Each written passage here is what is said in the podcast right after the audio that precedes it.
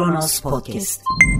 Modern zamanlarda bir devlet kurumlarıyla güçlüdür. Başındaki isimle, başındaki grupla değil, kurumlarıyla etkinliğini gösterir. Gerek sınırları içerisinde gerekse sınırları dışında saygınlığından söz etmenin yolu kurumlarının saygınlığından geçer. Yani ülke içerisinde siyasi irade dahil devletin kurumlarına saygı gösterdiği oranda ve o kurumların kararları gereğince davrandığı oranda dışarıda da saygınlık kazanır. Fakat devlet içinde kendinde olduğundan fazla bir güç vehmedenlerin diğer kurum ve kuruluşları yok sayması, onların kararlarına saygı duymaması, o kararları uygulamaması dışarıda da böyle yapılmasının önünü açar. Yani kanunlarınıza önce kendiniz uyacaksınız, sonra vatandaşlarınızın uymasını bekleyeceksiniz ve nihayet ülkenizin dünyada bir hukuk devleti olarak saygın bir yer edinmesini sağlayacaksınız. Anayasa Mahkemesi'nden daha üst bir yargı organı var mı Türkiye'de? Mevzuatımıza göre yok. Yani Anayasa Mahkemesi bir konuda hak ihlali kararı verdiği zaman o hakkın ihlal edildiğini düşünmüyor olsanız bile mahkeme bu kararı verdi ve temyizi de olmadığı için bir an evvel uygulamakla yükümlüsünüz. Mümkünse dakikalar, saatler içerisinde uygulamakla yükümlüsünüz. Çünkü hak ihlali hükmü veren merci sınırlarınız içerisinde tanıdığınız en yüksek yargı organıdır. Eğer böyle yapmıyor, geciktirerek mağdura haddini bildirmeye çalışıyorsanız aklınızca ne hukuka saygınız var demektir ne de devlete. Başta sizin saygı duymadığınıza da başkalarının saygı duymasını beklemeniz hayal olur. Merhaba 7 Temmuz 2021 Çarşamba günün tarihi ve Kronos Haber'de Kronos günden başlıyor. HDP'li Ömer Faruk Gergerlioğlu Sincan cezaevinden tahliye edildi yayınlanmış bir haberi paylaştığı için 2,5 yıl hapis cezasının Yargıtay tarafından onanmasının ardından 2 Nisan tarihinde Sincan cezaevine konulan HDP'li Ömer Faruk Gergerlioğlu tahliye oldu. Gergerlioğlu'nun tahliyesini oğlu Salih Gergerlioğlu duyurdu. Salih Gergerlioğlu babasıyla birlikte çektirdiği iki fotoğraf paylaşarak artık özgür ifadesini kullandı. Sincan cezaevi önünde basın açıklamasına izin verilmeyen Gergerlioğlu HDP Genel Merkezi'ne geçti. Gergerlioğlu burada milletvekilleri, parti yöneticileri ve partililer tarafından karşılandı. Yargıtay kararının mecliste okunmasının ardından adalet nöbetine başlayan Gergerlioğlu 21 Mart'ta sabah namazı için abdest alırken polisler tarafından pijamalı bir şekilde gözaltına alınmış ve karakola o şekilde götürülmüştü. Adalet nöbetini HDP Genel Merkezi'nde devam ettiren Gergerlioğlu 2 Nisan tarihinde evine gelen polisler tarafından yaka paça gözaltına alınmıştı. Tansiyonunun yükselmesi üzerine hastaneye götürülmüş ve ardından da Sincan cezaevine konulmuştu Gergerlioğlu. Anayasa Mahkemesi bireysel başvuruyla ilgili oy birliğiyle ihlal kararı vermişti. Anayasa Mahkemesi kararının Kocaeli 2. Ağır Ceza Mahkemesi'ne ulaşmasının ardından infazı durdurma kararı verildi ve karar Sincan cezaevine iletildi. Sincan cezaevinden de tahliye edildi Ömer Faruk Gergerlioğlu eski HDP Kocaeli milletvekili. Eski demek durumundayız fakat sürecin normal işlemesi durumunda milletvekili haklarının da iadesi gerekiyor Ömer Faruk Gergerlioğlu'nun. Peki mevcut Türkiye şartlarında mutlaka edilir, edilmeme ihtimali dahi yok diyebiliyor muyuz? Hayır. Çünkü Anayasa Mahkemesi bu kararı yani hak ihlali kararını verdikten sonra en kısa sürede uygulanması gerekirken günler sürdü. Oysa Anayasa Mahkemesi'nin kararı katidir ve bir an evvel bu mağduriyetin giderilmesi gerekir. Savcı ya da cezaevi yöneticileri araya hafta sonu girdi diyerek resmi tatilin arkasına sığınmak isterlerse bu devlet olma mantığıyla, devlet adına çalışma mantığıyla çok da örtüşmez. Çünkü Anayasa Mahkemeniz yani en üst yargı organınız diyor ki bu kişinin hakları ihlal edilmiştir. Size de devletiniz adına bu hatadan bir an evvel dönmek, bu hatadan dönmeye aracı olmak yakışır bulunduğunuz pozisyon itibarıyla. Ama nedense Ömer Faruk Gergerlioğlu adeta had bildirilmek istenircesine geç tahliye edildi. Şimdi buradan hareketle tabi tabi en kısa sürede milletvekilliği hakları da iade edilir denilemiyor maalesef. Üzücü olansa burada yargıda yahut da ilgili bürokratlardaki peşin hüküm mağdurla ilgili kanaat değil Çünkü biliyoruz ki olması gereken bürokratik zincir içerisinde kendilerine ulaşan talimatın gerçekleştirilmesi. Yani yarın ideolojik olarak bambaşka bir hükümet geldiğinde de aynı tavrı bekler vatandaş bürokrattan. Gerek yargı bürokrasisi, gerek emniyet bürokrasisi, gerekse Adalet Bakanlığı'nın cezaevleriyle ilgili bürokratları. Yani kendi kanaatlerine göre yahut da kendilerine ulaşan siyasi bir takım odaklardan siyasi olmayıp da kendini derin addeden devletten birilerinin talimatıyla değil kendilerine ulaşan resmi talimatla bir an önce hareket etmeli ve bu tür mağduriyetleri gidermeliler kim olursa olsun. Tabi şunun da altını çizmek lazım. Neden Ömer Faruk Gergerlioğlu'na böyle bir tavır reva görüldü? Ömer Faruk Gergerlioğlu sürecin başında da zaten vurguluyordu niçin hedefe konulduğunu. Çünkü kimseye özellikle de son dönem mağdur edilirken diğer kesimlerin pek sesini çıkarmadığı cemaat mağdurlarına kimliklerini sormaksızın destek olduğu için onların seslerini duyurduğu için. Bakınız kanun nezdinde suçlu olmak başka, kanun nezdinde suçlandığı konuların dışında gadre uğramak başka. Mesela hapis cezası gerektirmeyen hallerde bile bir kadının hamileyken, doğum yapmışken yahut da bir ağır hastanın hapse girmemesi gerekirken bu durumda şahsın haklarını savunmanın o şahsın düşünce dünyasına yakınlık duymakla bir ilgisi yok olmamalı. Ama maalesef ülkemizde kendilerini de modern ve demokrat olarak tanımlayan, niteleyen kimileri bazı çevrelerden olunca mağdurlar etikete bakıyorlar, kimliğe bakıyorlar ve ona göre tepki veriyorlar ya da vermiyorlar. Oysa Ömer Faruk Gergerlioğlu sağ sol demeden, kadın erkek demeden, partisine bakmadan, kampına bakmadan, ideolojisine, mahallesine bakmadan hakları çiğnenen kim varsa yanında yer aldı ve maalesef dönem itibariyle bu özelliği de onu hedef tahtasına oturttu. Neyse ki Anayasa Mahkemesi Neyse ki Anayasa Mahkemesi olması gerekeni yaptı ve umarız kısa bir süre içinde de milletvekili haklarına tekrar kavuşur Ömer Faruk Gergerlioğlu. Aslında bir vatandaş olarak burada dilenmesi gereken Ömer Faruk Gergerlioğullarının artması meclis çatısı altında. Birkaç hak savunucusu dışında milletvekilleri maalesef sadece siyasi bir aparata dönmüş durumda el indirip el kaldırmak suretiyle sadece liderlerinin gösterdiği yolda yürümeyi hedefliyorlar. Tabi burada uzun uzadıya ülkede siyasetin yapılma biçimiyle, siyasetin neredeyse meslekleşmiş olmasıyla ilgili konuşmak lazım. Fakat siyasetin bir halka hizmet vesilesi olduğunu aklından çıkaran siyasiler günün birinde mutlaka bunun bedelini öderler en azından anılarda, en azından tarih kayıtlarında öderler. Bu vesileyle hak ihlali uğrayan hak savunucusu Ömer Faruk Gergerlioğlu'na geçmiş olsun. Cezaevinden tahliye edilen Ömer Faruk Gergerlioğlu basın açıklamasında bu bizim zaferimiz değil halkın zaferidir. Ben buradan Anayasa Mahkemesi'ne teşekkür ediyorum. Hızlı bir süreç işletti dedi. Gergerlioğlu ayrıca kendisinin çıkmasının cezaevinde bulunan arkadaşlarının çıkmasının habercisi olduğunu ifade etti demokrasi adına bakınız parti ve siyaset adına değil her şeyden önce demokrasi adına ülkenin kurumlarının işleyişi açısından sevindirici bir haber. Hani bir umut en azından o kadar koyu o kadar yoğun kara bulutlara rağmen yine de umut verici bir gelişme. Fakat işte bu umudu baltalayan bir takım tepkiler de oldu. Bahçeli Gergerlioğlu kararı için AYM'yi hedef aldı. Ne zamandır hainin hakkı oluyor? MHP Genel Başkanı Devlet Bahçeli partisinin meclisteki grup toplantısında konuştu. Daha önce Anayasa Mahkemesi'nin kapatılmasını isteyen Bahçeli bu kez de HDP'li Ömer Faruk Gergerlioğlu hakkındaki hak ihlali kararı nedeniyle mahkemeyi hedef aldı. Anayasa Mahkemesi'nin HDP'li Ömer Faruk Gergerlioğlu için verdiği hak ihlali kararına değinen Bahçeli, yani CHP'li Berberoğlu gibi Gergerlioğlu için meclise dönüş yolu açılmıştır. Terör propagandası nasıl oluyor da hak ihlali olarak değerlendiriliyor? Bununla birlikte günü geldiğinde dağdaki eşkıya içinde hak ihlali kararı verilecek midir? Anayasa Mahkemesi bu tür davalara terör örgütlerinin hücre evinden ya da mağara deliklerinden mi bakıyor? Ne zamandır hainin hakkı oluyor ifadelerini kullandı. Hatırlayacaksınız Bahçeli geçtiğimiz Nisan ayında HDP'nin kapatılması talebiyle hazırlanan iddianameyi Yargıtay Cumhuriyet Başsavcılığına iade ettiği için Anayasa Mahkemesi'ni bir kez daha hedef almış ve HDP'nin kapatılması kadar Anayasa Mahkemesi'nin de kapanması artık ertelenemez bir hedef olmalıdır. Nitekim Anayasa Mahkemesi'nin iade kararı milli vicdanda hükümsüzdür.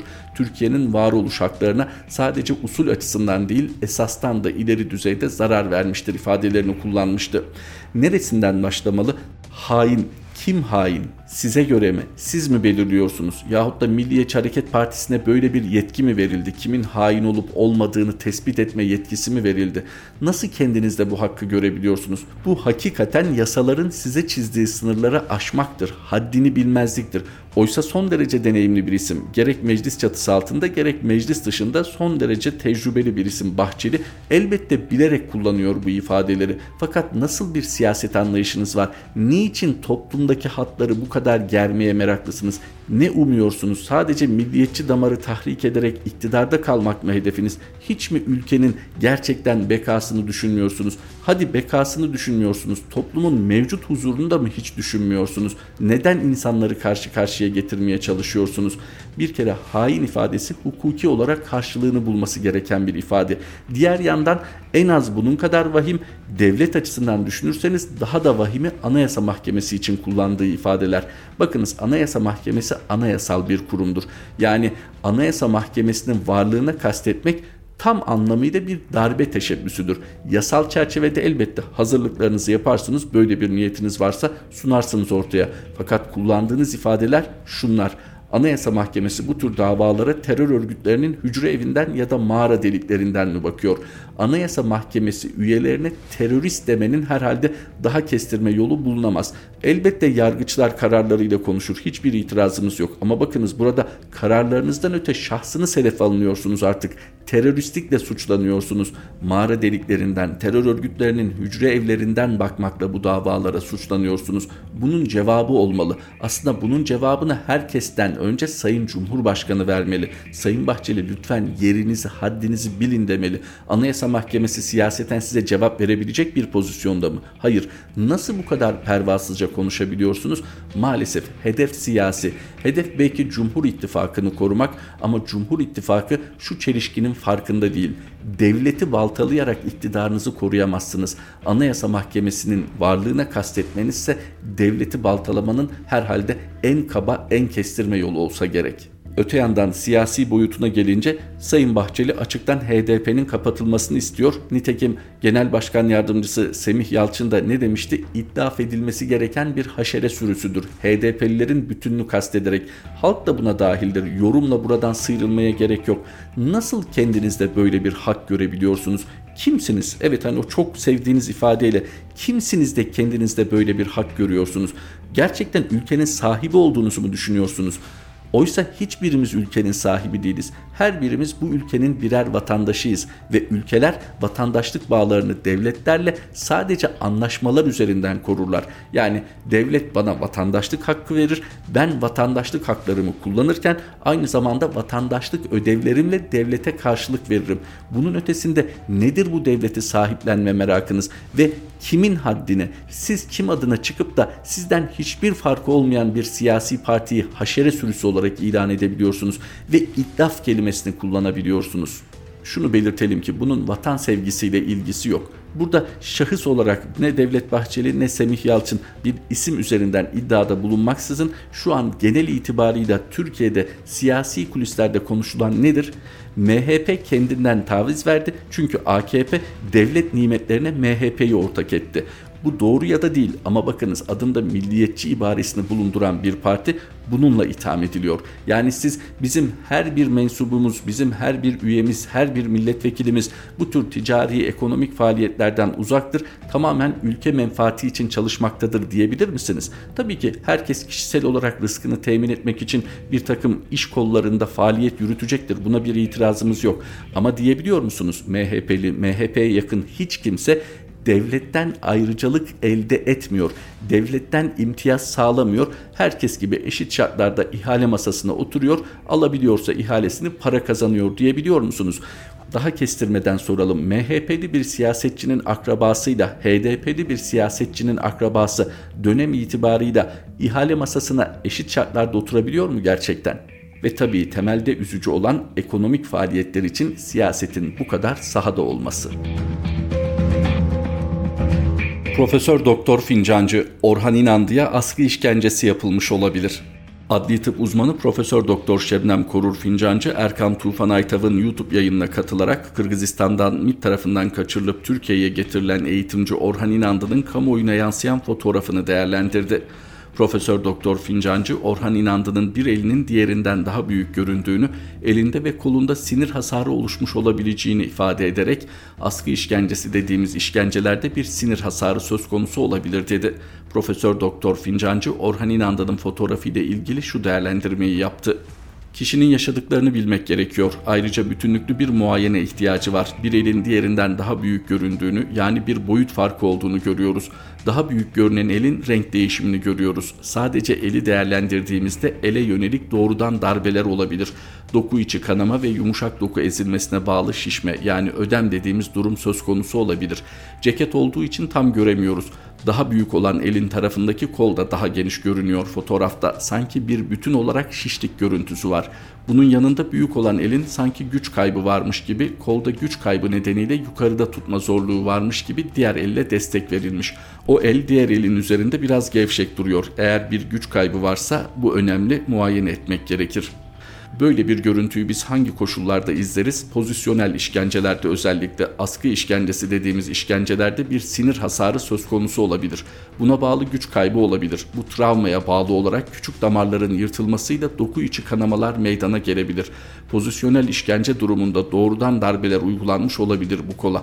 Ona bağlı kanama alanları oluşmuş olabilir. Kapsamlı bir muayeneye ihtiyaç var. İlk bakışta o güç kaybı var gibi o bölgede bir travma oluşmuş durumda. Bunlar pozisyonel işkencelerde gördüğümüz tablolar. Tırnakların çok uzun olduğunu görüyoruz. Kişinin kendi alışkanlığı herhangi bir müzik aleti kullanma durumu söz konusu değilse öz bakım eksikliği söz konusu. Yine bu kolun yeterince kullanılamaması ile ilişkili olabilir. Normal görünen elin tırnakları belirgin bir şekilde uzun. Diğer eldeki güç kaybından dolayı tırnaklarını kesememesine bağlı olabilir. Tedirgin bir yüz ifadesi görüntüsü var. Bütünlüklü değerlendirmek gerekir. Kendi aktarımları, öykü, ruhsal değerlendirmesi ve bir de kapsamlı bir muayeneye ihtiyaç var. Fincancı işkencenin insanlığa karşı suç olarak kabul edildiğini hatırlatarak işkencede zaman aşımı olmadığını belirtti ve bu süreçte hem cezasızlık bir pervasızlık sağlıyor hem de tehdit boyutunun elverişli olduğu düşünülüyor. Bir süredir işkence herkesin gözü önünde sokak ortasında gerçekleşiyor. İşkence uygulamalarına ait fotoğraflar sosyal medyada paylaşılıyor. Bu topluma tehdittir. Toplumu suskunlaştırma, cezasızlığın sürmesine de katkı sunma anlamı taşıyor dedi. Türk Tabipleri Birliği Yönetim Kurulu Başkanı Adli Tıp Uzmanı Profesör Doktor Şebnem Korur Fincancı'nın Erkan Tufan Aytav'ın YouTube yayınında söyledikleri. Orhan İnandı bir eğitimci, Sapat Eğitim Kurumlarının kurucusu ve eski genel müdürü. Yani bilinen temel vasfı eğitimci ve yönetici olması. Böyle bir insanın şu ana kadar Kırgızistan'da tespit edilmiş bir terör faaliyeti var mı? Yok. Peki bu durumda Türkiye Cumhuriyeti'nin Milli İstihbarat Teşkilatı neye dayanarak böyle bir ismi kaçırıyor? Gülen cemaati mensubu olmasına dayanarak bunu belki iç kamuoyunda kullanabilirsiniz. Fakat dünyada böyle karşılanmadığını siz de biliyorsunuz. Onun için diş geçirebildiğiniz ülkelerde yapıyorsunuz. Son diş geçirdiğiniz ülkede Kırgızistan. Kırgızistan Dışişleri Bakanlığı Bişkek Büyükelçisine protesto mahiyetinde bir nota verdi. Bişkek Büyükelçiliği'nin yanıtı da ilginç. Böyle bir beyanı yok Türkiye Cumhuriyeti'nin diyor. Yani Kırgızistan'dan kaçırıldığına dair bir beyanı yok diyor. Peki bu insan nerede yaşıyordu Sayın Büyükelçi? Bişkek'te yaşıyordu. Resmi kayıtlarına bakınız. Çünkü kendisi aynı zamanda Kırgız vatandaşı ama kime neyi anlatıyorsunuz? Burada meselenin uluslararası boyutuna dikkat çekmek lazım. Bir, ikincisi de az önce Sayın Bahçeli ve MHP'lilerin vatan millet sevgisinden söz etmiştik ya. Vatan millet sevgisini bu kadar öne çıkarıp da vatandaşlarını, milletinin fertlerini henüz hiçbir suçu ispat edilmeden kamuoyu önüne bir suçluymuş gibi çıkarmak ve umarız değildir ama bir işkenceye uğradığını göstermekten de kaçınmadan çıkarmak milliyetçilikle mi örtüşüyor, vatanseverlikle mi? Siz şu an bu iktidarın Cumhur İttifakı çatısı altında ortağısınız ve sizin ortağı olduğunuz bu iktidar çatısı altında çok ciddi işkence suçlamaları var. Niçin bunlara sessiz kalıyorsunuz? Milliyetçiliğiniz gereği mi? Yani milliyetçi dünya görüşü şiddeti tasvip mi ediyor? Hele hele vatandaşlarına karşı bir savaş hali, bir iç savaş, bir iç çatışma olmadığı durumda kolluk kuvvetlerinin normal olarak görevini icra ettiği dönemlerde kendi yurttaşlarına şiddet uygulamasını kabul mü ediyor, onaylıyor mu Milliyetçi Hareket Partisi? Tabii Milliyetçi Hareket Partisi özelinde söylüyoruz ama bu kendini vatandaşlık bağıyla Türkiye Cumhuriyeti vatandaşı kabul eden herkese yöneltilmiş bir soru. Suçu kesinleşmiş olan insanlara da işkence yapılamayacağı kanunda belirtiliyor kanunlarına uymadığınız, vatandaşlarının haklarına saygı duymadığınız bir ülkeyi sevme iddiasının da içi kusura bakmayın ama pek dolu görünmüyor. Kronos Haber'de Kronos gündemin sonuna geldik. Tekrar buluşmak üzere. Hoşçakalın. Kronos Podcast